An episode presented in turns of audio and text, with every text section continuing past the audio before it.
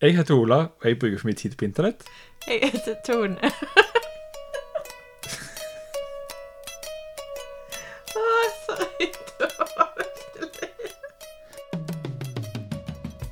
Oi, Og denne oi. podkasten til deg om noe jeg har lært på internett i dag. Ja. I dag skal jeg fortelle deg om Rainbow Village. Oh. Dette er da historien til Huang Yongfu.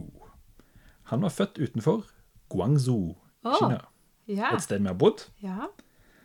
I 1937 så forlot han eh, hjemmet sitt eh, som 15-åring for å slåss i krigen mot Japan. Og så slåss han i krigen mot andre, i andre verdenskrig.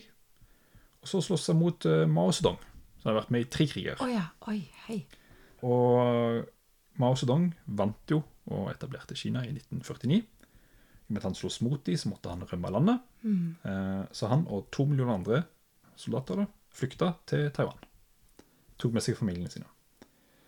Og i Taiwan så ble det etablert eh, noe som de kalte for eh, Yuan Kun, som var en slags krigsveteranlandsbyer, der de Ja. ble husa midlertidig. da.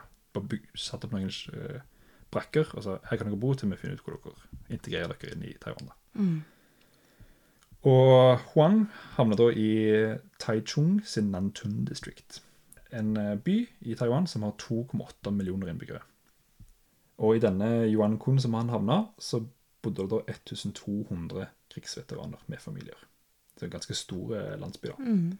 Som ble bygd eh, tusenvis av disse rundt omkring i Taiwan for å huse disse to millioner flyktningene. da. Det skulle være midlertidig, men 37 år senere så bor Huang der ennå. Ja. Mm. Eh, helt til han fikk et brev om at du, nå skal vi rive dette her, for vi skal bygge noe nytt fancy, moderne greier. Og alle flytta utenom han. Oh, ja. Han ville bo der. Så til slutt så var det bare han igjen i hele landsbyen, eh, og elleve hus. De rev alt det andre. Han ville bare ikke flytte, det var hjemmet hans. Han kjente ikke noe annet. Han eh, var ugift, har ingen barn, ingen familie. Det var bare han. Eh, så han kjeda seg. Så det han gjorde, var at han begynte å male. Eh, så han oh. malte rommet sitt, veggene. Eh, ikke sånn ens farge, men malerier, liksom. Okay. Han malte sist, husker han, da han var fem år. Og nå var han 86 år. Wow. Eh, og bare begynte å male alle veggene. Alle flatene i huset sitt. Syntes det var gøy, så malte han hele huset. Og så malte han alle nabohuset, alle flatene. Så malte han gaten imellom de. Og sånn holdt han på. Jeg Åh, tenkte, så nydelig. jeg bare maler jeg for tida til å gå. Nå er jeg helt aleine. Eh, så kom det eh, Og det skal jo rives uansett, så det gjør ikke noe at han gjør hærverk liksom, på noen andre sin eiendom. Mm. Eh, Så kom det noen studenter fra universitetet i byen eh, tilfeldigvis forbi hadde et eller annet prosjekt. Og de ble helt forbløffa av det de så da. Eh, Så de starta en kampanje og, og fikk endra planene til byrådet. da. Eh, Sånn at eh, isteden eh, for å rive det, så er det nå verna. Ah. Fordi han har malt alt. Bildene derfor er helt sykt å se på. Er det Eh. fint? Ja, Ja. det kalles Rainbow Village, for han maler i knæsje mange fine farger. Mm. Eh, han kalles eh, Rainbow Grandpa. Eh, det kan man bare google, og du finner sinnssykt fine eh, bilder. Det ser helt amazing ut. Eh, så den One Koden nå er nå freda som en park. Og hvert år kommer det over én million turister for å se på den. Oi. Wow. Eh, og Huang sier nå at han er ikke ensom lenger. Eh, han poserer for bilder og maler fortsatt. da, den dag han er 97 år gammel. Oi, helt utrolig. Ja, Helt amazing at han klarte å liksom få verna det. Og politikerne vil jo da rive det. Og de har revet nesten alle disse midlertidige stedene.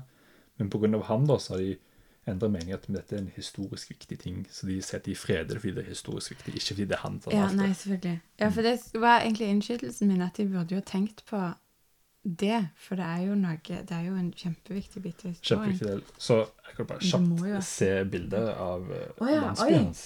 Det ser altså så kult ut. Det er virkelig å anbefale Rainbow Village eller ser Rainbow litt Grandpa. sånn ut sånn ehm, Den ideelle barneskolen, eller barnehagen. Ja, ja. Sånne farger du egentlig tenker at man skal være omgitt Ja, og så han, han har malt alt. Ja, virkelig. Alt har han malt.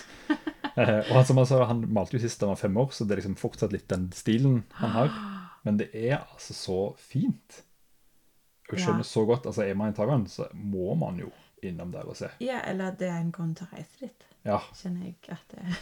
kanonfint at han er gamle 97-åringen, Rainbow Grandpa, har fått til det der. Altså. kunne tenke meg å møte han, for jeg tenkte det er noe interessant med mennesker som velger det i møte med ensomheten. Ja, Bare styrken i det. Ja. Det er så mange som ville gått motsatt vei. ja, og han begynte med dette fordi han var så ensom og forlatt, og alle flytta jo. Mm.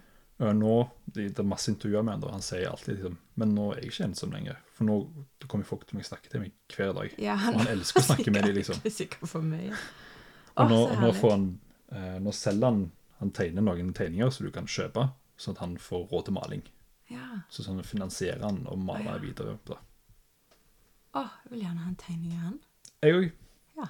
Det er på ønskeliste til jul. Ja, Kan du notere deg. Fint.